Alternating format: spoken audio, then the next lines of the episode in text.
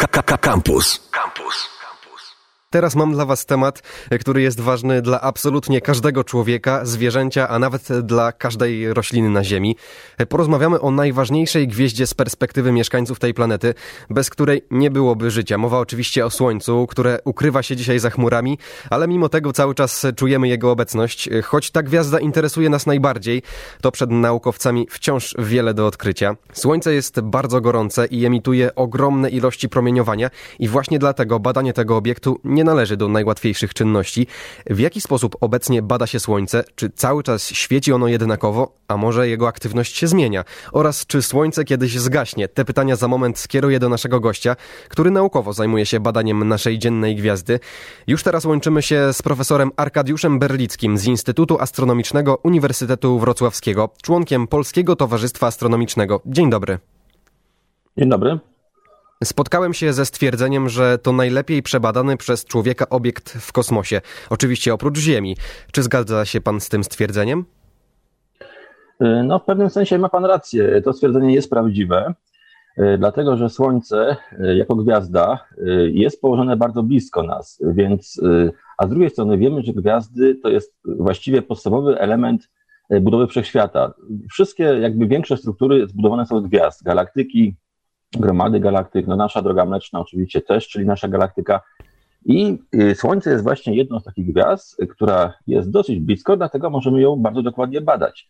Jest to oczywiście najlepiej zbadana gwiazda y, we wszechświecie. No, możemy obserwować y, bezpośrednio powierzchnię Słońca.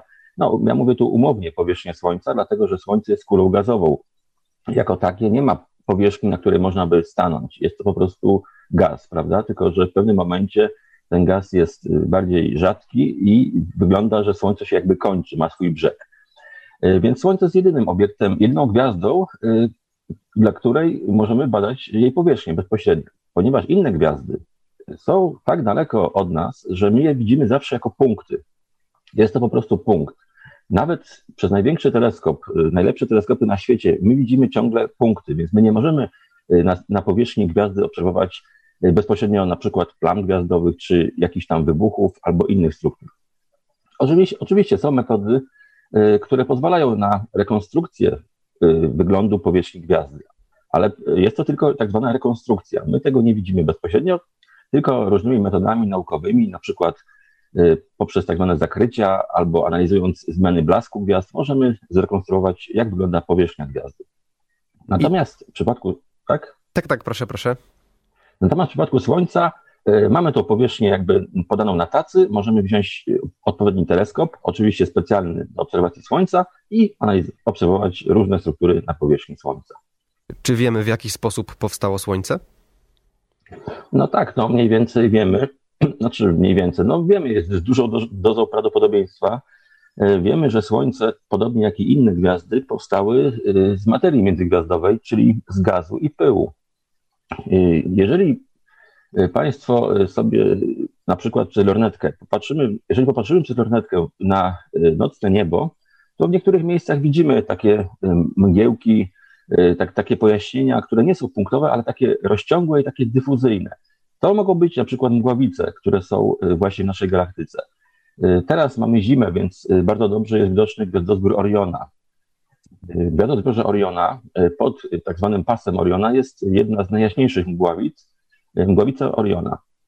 E, oczywiście ona jest najjaśniejsza w naszym rozumieniu astronomów, ale, ale jest no, ciągle na tyle słaba, że gołym okiem jej nie zobaczymy. Ale są, przez lornetkę możemy już tą mgławicę dostrzec. Natomiast zdjęcia wykonane prawdziwymi naukowymi teleskopami pokazują olbrzymie bogactwo struktur, kolorów, barw y, właśnie w tej mgławicy i w wielu tysiącach innych mgławic. I właśnie nasza galaktyka, droga mleczna, którą widzimy w nocy, y, jest to zbiorowisko gwiazd, ale też i materii międzygwiazdowej, czyli właśnie różnego rodzaju gazu, y, mgławic, pyłu i tak dalej.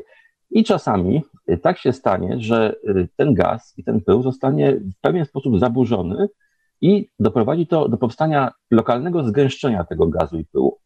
No i wtedy zaczyna się proces y, samokontrakcji grawitacyjnej.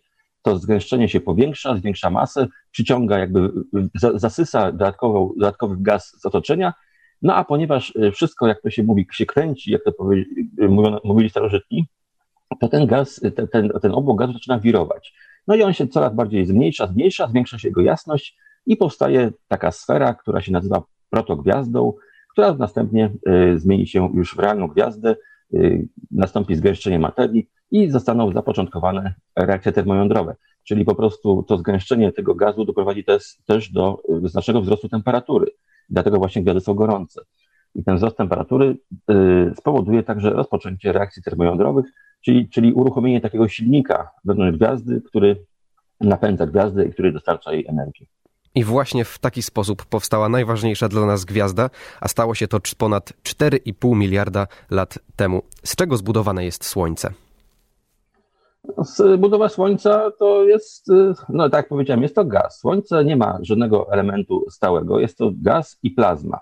Plazma, czyli gaz zjonizowany, czyli taki, w którym atomy są pozbawione elektronów właśnie w, wysokiej w wyniku wysokiej temperatury niektóre atomy są zjonizowane, czyli jakby nie są w stanie neutralnym, tylko na przykład żelazo y, ma część elektronów y, y, no, wybitych z atomu i one sobie krążą swobodnie. Natomiast jeżeli chodzi o skład chemiczny, no to dominującym pierwiastkiem jest wodór, który stanowi praktycznie 3 czwarte budowy Słońca, a kolejnym jest hel. Czyli wodór i hel to są podstawowe pierwiastki, które, które jakby zabierają 99% masy Słońca. Natomiast cała reszta y, jest już w mniejszych ilościach, ale jest tam bardzo dużo pierwiastków. Właściwie większość z tablicy Mendelejewa z układu okresowego pierwiastków, czyli żelazo, magnez, wapni, y, neon, y, tlen, węgiel, no wszystkie inne pierwiastki występują też na Słońcu. Wiemy, że atmosfera słoneczna składa się z trzech warstw: fotosfery, chromosfery i korony słonecznej. Czym te warstwy różnią się od siebie i która z naszej perspektywy jest najważniejsza? Y, tak, ma pan rację. Y, atmosfera Słońca to właśnie jest zbudowana z trzech, y, no my teraz to nie nazywamy warstwy, tylko raczej trzech składników, dlatego że warstwy to był taki termin, powiedzmy, używany kilkadziesiąt lat temu, kiedy nie było dobrych obserwacji i nam się wydawało, że to są faktycznie takie warstwy jedna na drugą. Ale teraz wiemy, że ta budowa atmosfery jest o wiele bardziej skomplikowana. Natomiast wracając do pytania, E, tak, mamy fotosferę, chromosferę i koronę. E, fotosfera jest to tak zwana, jest to tak, taka najniższa, najniższa warstwa atmosfery Słońca, to jest to, co widzimy gołym okiem, jeżeli patrzysz na Słońce. Oczywiście e, ja przestrzegam przed patrzeniem na Słońce gołym okiem oczywiście, a tym bardziej przez jakiś instrument optyczny niedostosowany do tego, bo można sobie wzrok uszkodzić. Ale jeżeli zastosujemy specjalny teleskop ze specjalnym filtrem, to to, co widzimy gołym okiem, to to jest właśnie fotosfera. Natomiast y, stosunkowo późno odkryto kolejne jakby elementy tej atmosfery, czyli chromosferę i koronę. A dlaczego późno? Dlatego, że w normalny słoneczny dzień y, my chromosfery ani korony nie widzimy y, okiem normalnie. Nie możemy zobaczyć tych, tych, tych części atmosfery słonecznej, dlatego że ich emisja jest o wiele słabsza i ona po prostu, po prostu ginie nam w tym, wielkim, w tym wysokim blasku fotosfery. Ale chromosferę i koronę możemy zobaczyć tylko podczas całkowitych zaćmień Słońca.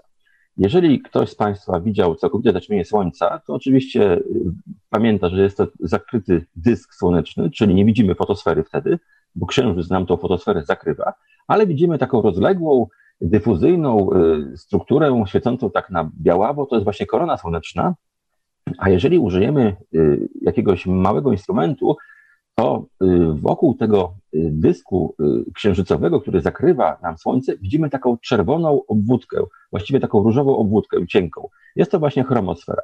Czyli nad fotosferą mamy chromosferę, świecącą na czerwono, a jeszcze wyżej jest korona. No i oczywiście, czym się różnią te struktury, te części atmosfery, to jest bardzo rozległy temat. Mogę tylko jakby w skrócie powiedzieć, że zarówno chromosfera, jak i korona słoneczna są o wiele bardziej rzadkie niż fotosfera, mniej gęste i co ciekawe, mają wyższą temperaturę niż fotosfera. To jest ciekawe, dlatego że y, Słońce ma temperaturę tak zwanej powierzchni, czyli fotosfery, około 6000 stopni. Natomiast chromosfera może y, osiągać temperatury do 50 tysięcy stopni, natomiast korona do kilku milionów stopni. I pytanie jakby brzmi, no dlaczego te struktury są tak gorące? Co powoduje ogrzanie tych, tej chromosfery i tej korony? Oczywiście z fizyki dobrze wiemy, że nie jest możliwe, żeby ciało o temperaturze na przykład 6000 stopni ogrzało jakieś drugie ciało do temperatury miliona stopni, gdyż to jest sprzeczne z zasadami termodynamiki. Nie może ciało ogrzać drugiego ciała do temperatury wyższej niż samo, niż samo to ciało ogrzewające posiada. Dlatego astrofizycy, właściwie heliofizycy zajmujący się Słońcem, no długo badali, y, dlaczego ta atmosfera jest tak gorąca. No i odkryli, y, no nie do końca jeszcze jest to poznany y, proces, ale odkryto, że ogrzewanie chromosfery i korony następuje za pomocą fal. Za pomocą fal, które są generowane właśnie w fotosferze. Czyli to fale przekazują energię chromosferze i koronie, powodując ich wysokie temperatury. Teraz chciałbym przejść do zapowiadanej na samym początku aktywności słonecznej. We wrześniu NASA ogłosiła, że wkroczyliśmy w nowy 25 cykl słoneczny. Czym są te cykle słoneczne? Y, cykle słoneczne jest to taki okres, są to okresowe zmiany właśnie y, aktywności słonecznej. Y, co to znaczy? To znaczy, że słońce świeci, no na co dzień słońce świeci e, według nas, ludzi, e, tak samo. My nie widzimy zmian jasności słońca. Oczywiście, kiedy są chmury, to, to jest po prostu ciemno, kiedy nie ma chmur, to jest jasno, ale samo słońce wydaje się świecić na stałym poziomie. Natomiast na tak zwane stałe, długookresowe świecenie czy, czy, czy życie słoneczne nałożony jest cykl aktywności, czyli zespół procesów, które występują na powierzchni, głównie no, na, na tak zwanej umownej powierzchni Słońca, czyli w fotosferze, a także w chromosferze i koronie. Y, jest to zespół procesów tak zwanych aktywnych, czyli takich, y, które odbiegają od, y, od spokojnego stanu atmosfery słonecznej. Co to znaczy? To znaczy, że co pewien czas, dokładnie no mniej więcej co 11 lat, mamy tak zwane mamy maksimum aktywności, czyli nasilenie tych procesów, i minimum, minimum aktywności, czyli no minimalną ilość tych procesów albo ich w ogóle, w ogóle zanik. Co to są za procesy? No przede wszystkim są to y, dobrze znane wszystkim plamy słoneczne. Y, w czasie maksimum aktywności Słońca tych plam na Słońcu jest dosyć sporo. Y, one są ciemnie, ciemne, je widać przez nawet małe teleskopy, ale oczywiście te specjalne teleskopy dla Słońca, proszę nie patrzeć przez lornetkę na, na Słońce. No i one są jakby obszarami na Słońcu, w tej fotosferze, o niższej temperaturze. Czyli plamy słoneczne są ciemne dlatego, że mają niższą temperaturę. Yy, oprócz plam yy, dochodzi do bardzo spektakularnych wybuchów na Słońcu, czyli tak zwanych rozbłysków słonecznych, yy, które jakby przypominają wybuch no, bomby termojądrowej, ale oczywiście w wiele większej skali. Co prawda Słońce jest daleko od nas, my tych wybuchów tak też nie widzimy na co dzień, ale czasami o nich słyszymy, zwłaszcza jeżeli te wybuchy wyślą w stronę Ziemi olbrzymie chmury cząstek naładowanych, jonów, y, właśnie y, jąder helu, protonów oraz promieniowania przykład rentgenowskiego czy promieniowania gamma. Wtedy y, jest jakby informacja czasami w prasie, że do Ziemi dochodzi jakby chmura aktywnego gazu słonecznego, która może spowodować pewne tam zakłócenia w pracy satelitów czy telekomunikacyjne. No i teraz odpowiedź na pytanie, skąd się ta aktywność bierze? No, ta aktywność słoneczna jest związana z polem magnetycznym Słońca. Słońce to jest olbrzymi magnes. Podobnie jak Ziemia, Słońce ma pole magnetyczne, ale o wiele bardziej skomplikowane. To pole magnetyczne, ono nie jest stałe w czasie, tylko ono właśnie zmienia się w tym cyklu 11-letnim. Przyczyną tych zmian jest specyficzna rotacja Słońca oraz turbulencja, która zachodzi pod powierzchnią Słońca, a właściwie konwekcja, która zachodzi pod fotosferą, czyli wewnątrz Słońca. Y, Słońce nie rotuje jak bryła sztywna. To nie jest to taka piłka, jak, która sobie rotuje według ze stałą prędkością, tak jak na przykład planety. Y, Słońce jest kulą gazową i rotacja polega na tym, czy wygląda, wygląda tak, że obszary przyrównikowe na Słońcu, czyli te takie jakby blisko równika słonecznego, wirują szybciej. Ich okres y, obiegu czy obrotu wynosi 25 dni, Natomiast y, obszary przybiegunowe rotują wolniej. Okres obiegu tych, tych, tego gazu przy biegunach trwa około 30 kilku dni. I ta rotacja, taka tak zwana, y, tak zwana rotacja różnicowa, powoduje specyficzną modyfikację pola magnetycznego, które to pole właśnie w tym cyklu 11-letnim się nasila i ono wychodzi z wnętrza Słońca prze, y, przez fotosferę do korowy słonecznej i w czasie tego nasilenia właśnie Y, nasilenia tych, tych elementów magnetycznych, które wychodzą ze Słońca do korony słonecznej, następuje zwiększenie aktywności słonecznej. Jeszcze tylko dopowiem, że plamy słoneczne właśnie to są miejsca bardzo silnego e, pola magnetycznego. Pole magnetyczne tam jest kilkanaście tysięcy razy silniejsze niż pole magnetyczne na biegunach Ziemi. I to powoduje, że te plamy są chłodniejsze. I właśnie jeszcze muszę o te plamy dopytać. Czy jeżeli plam jest więcej, to oznacza, że aktywność słoneczna jest mniejsza, czy przeciwnie? Yy, przeciwnie. Jeżeli plam jest więcej, to znaczy, że aktywność słoneczna jest duża, yy, że mamy dużo tego pola yy, magnetycznego, które przycina jakby fotosferę, które się, które się wynurza spod powierzchni, nad powierzchnią fotosfery i w tych miejscach przecięć mamy plamy. I jeżeli tych pól jest dużo, to mamy bardzo dużo plam. Dlatego już dosyć, już ponad 100 lat temu naukowcy określili, czy, czy określili taką specjalną liczbę, znaną, zwaną liczbą Wolfa, która właśnie ocenia poziom aktywności słonecznej. Ta liczba opiera się na zliczeniu plam słonecznych, czyli ona, to jest prosty wzór, który zależy od ilości grup plam i od ilości samych plam, i, która, i której to wartość tej liczby Wolfa zależy właśnie od poziomu aktywności. I im tych plam jest więcej, tym liczba Wolfa jest wyższa i tym wyższa jest aktywność słoneczna. Gdy czytamy o aktywności Słońca, e, często pojawia się informacja o koronalnych wyrzutach masy. Czym te koronalne wyrzuty masy są? Czy to są te wybuchy, o których Pan powiedział? E, tak, ja o tych koronalnych jeszcze nie wspomniałem, ale tak, one są powiązane właśnie z tymi wybuchami, z tym, że te wybuchy na Słońcu, te rozbłyski, one zachodzą dość nisko w atmosferze Słońca. Natomiast y, czasami no, trzeba by sobie zadać pytanie, skąd się te wybuchy na powierzchni Słońca biorą? No, one się biorą właśnie, też przyczyną tych wybuchów jest y, zmiana pola magnetycznego. Y, może sobie, może sobie wyobrazić, że mamy w ręku naprężony pręt, który zginamy i wtedy czujemy taką energię potencjalną, energię sprężystości tego pręta.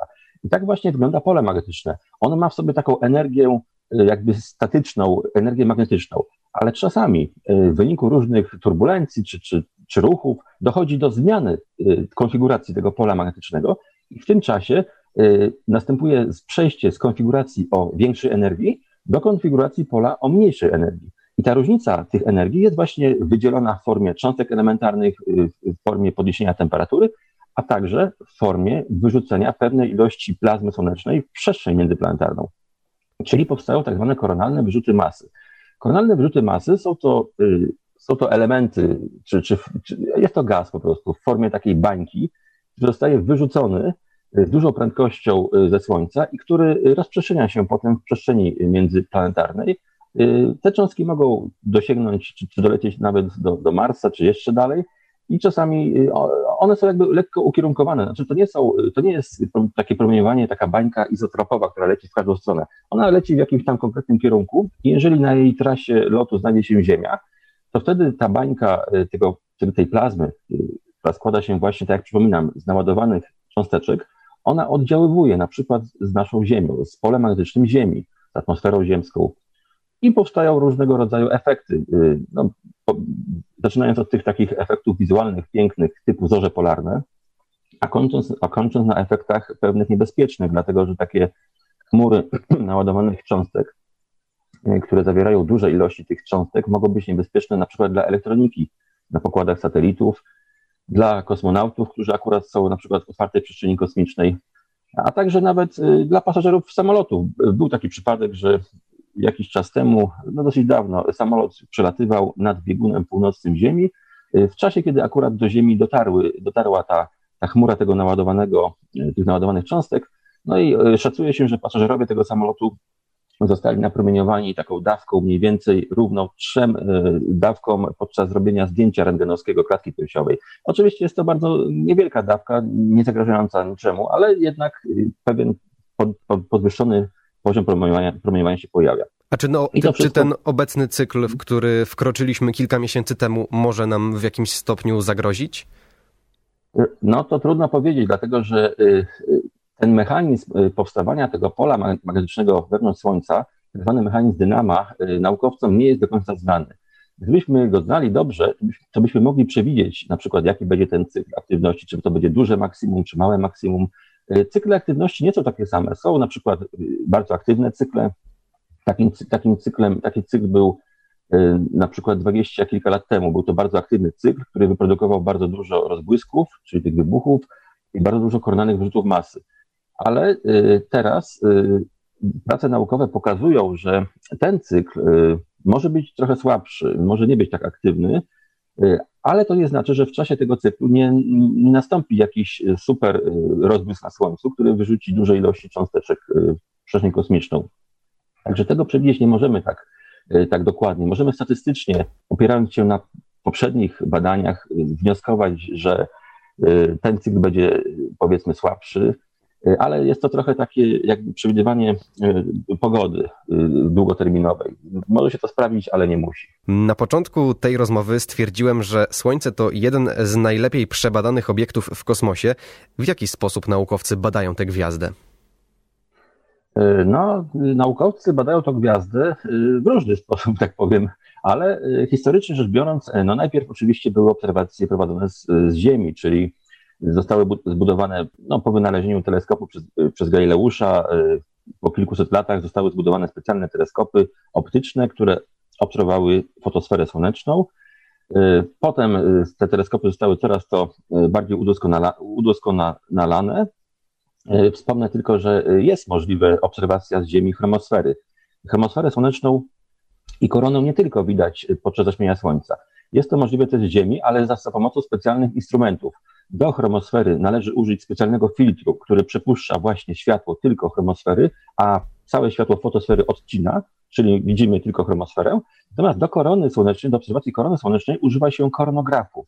Jest to e, instrument wynaleziony e, ponad 100 lat temu przez e, Bernarda Liota, który zwykły, zwykłą lunetę, czy, czy jakby w środku lunety dokonał pewnych modyfikacji i umieścił tam tak zwany sztuczny księżyc, czyli taki metalowy krążek, który dokonywał sztucznego zaćmienia Słońca. I z tym teleskopem należało wdrapać się na jakąś wysoką górę, bardzo wysoko na przykład w Alpy, e, żeby ta atmosfera ziemska była bardzo przejrzysta i żeby niebo było takie ciemno-granatowe i była możliwa obserwacja dolnych części korony e, przez, e, przez, ten, przez ten teleskop, przez ten koronograf.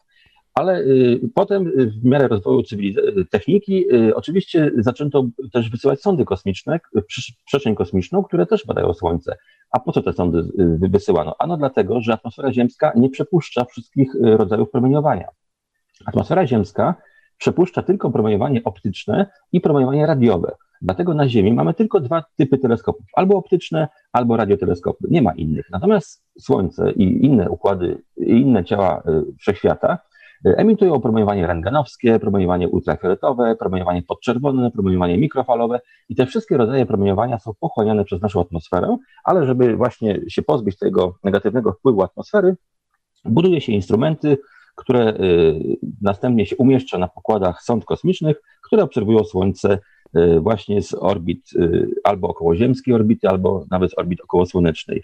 Jeszcze tylko na koniec tego wątku dodam, że właśnie w tej chwili do Słońca leci wielka sonda Solar Orbiter, w której mamy też swój udział jako Polska, jako nasz instytut, która za około roku zacznie obserwować Słońce z odległości mniejszej niż odległość Merkurego od Słońca. Czyli jest to tak zwana sonda, która leci ku Słońcu. A ja jeszcze dodam w tym wątku, że nie tylko w tej misji mamy e, polski udział. Na 2024 rok zaplanowano start misji Interstellar Probe, w ramach której Centrum Badań Kosmicznych we współpracy z NASA zamierzają zbadać heliosferę. Z kolei w planach jest także misja Proba 3 i e, w tej misji też mają udział naukowcy z Centrum Badań Kosmicznych e, Polskiej Akademii Nauk. Ta misja z kolei zajmie się uważnie koroną Słońca, czyli jest co odkrywać i miejmy nadzieję, że wkrótce poznamy wyniki tych obserwacji. A teraz odchodząc od tematu misji, chciałbym porozmawiać trochę o przyszłości tej gwiazdy. W jakim momencie swojego życia znajduje się teraz Słońce? Y, no, Słońce znajduje się w tej chwili w tak zwanym y, pełnym rozkwicie, czyli w tak zwanym wieku średnim, można by powiedzieć. Y, jest mniej więcej na połowie swojego, swojej drogi ewolucyjnej. Tak jak Pan wspomniał na początku, powstało około 4,5 miliarda lat te, temu, i jeszcze mniej więcej drugie tyle zostało temu Słońcu e, do końca. Teraz życia. wszyscy oddychają z ulgą. Uf. Tak, oddychają z ulgą. Znaczy to ja myślę, że ludzkość prędzej się tak zmieni, niż to Słońce zgaśnie. E, ale ono też tak nie zgaśnie sobie tak nagle, e, tylko pod koniec swojego życia to słońce, to słońce nagle zacznie puchnąć, zacznie zwiększać swoje rozmiary. No, w wyniku właśnie procesów wewnątrz gwiazdy, wewnątrz Słońca, no, musi się dokonać takie, takie, takie zwiększenie rozmiarów w celu zachowania pewnej równowagi. Zwiększając rozmiary, to Słońce się trochę ochłodzi. Ono będzie chłodniejsze, będzie miało około 3000 stopni, ale dla Ziemi, dla nas to, to jeżeli to Słońce przejdzie w ten stan tak zwanego czerwonego olbrzyma, to jest właśnie ten stan Słońca, ten, tego spuchniętego tak zwanego, to na naszej Ziemi będzie bardzo gorąco. Wtedy i tak byśmy już, no, byśmy nie wytrzymali na Ziemi. Więc to Słońce przejdzie w stan czerwonego olbrzyma, y, będzie miało znacznie większe rozmiary, natomiast y, później, jeszcze po paru takich mniejszych fazach, y, Słońce odrzuci swoje zewnętrzne, zewnętrzną część swojej materii, odrzuci te warstwy zewnętrzne z tą koroną, chromosferą, ale także część tego, co jest w tej chwili pod powierzchnią fotosfery, dużą część odrzuci i zostanie takie samo jądro Słońca, tak zwany biały karzeł, czyli taki mały, gorący, bardzo gęsty obiekt, który będzie składał się głównie z żelaza, no dlatego że właśnie w Słońcu zachodzą reakcje termojądrowe, po pierwsze zamieniające wodór w hel, ale potem nastąpią kolejne reakcje, które, mm, które będą, będą powodowały powstanie coraz to cięższych pierwiastków, aż w końcu y, powstanie w jądrze y, dominacja, no może nie żelaza, ale węgla powiedzmy, może raczej węgla, bo żelazo to w bardziej masywnych gwiazdach, powstanie jądro węglowe, które zostaje następnie odsłonięte właśnie tymi ta otoczka zostanie odrzucona i powstanie biały karzeł, który będzie sobie po prostu stygł, aż zmieni się w tak zwanego czarnego karła, czyli taką chłodną, jakiś chłodny obiekt Czyli Majowie jednak mieli rację, koniec świata zbliża się wielkimi krokami, ale jeszcze parę miliardów lat nam zostało, więc warto zadbać o naszą planetę, bo jeszcze sporo musi wytrzymać. Jeszcze, jeszcze nam się, jeszcze możemy ją w jakiś sposób wykorzystać, bo tak jak pan powiedział, e, Słońce jest teraz w połowie swojej działalności. A teraz mam takie pytanie zamykające temat Słońca. Czy możemy powiedzieć, że Słońce jest obiektem idealnym, na przykład pod względem rozmiaru? No, to jest chyba najtrudniejsze pytanie dzisiaj, dlatego że. To, Najtrudniejszy, to znaczy, największy arsenał na sam koniec.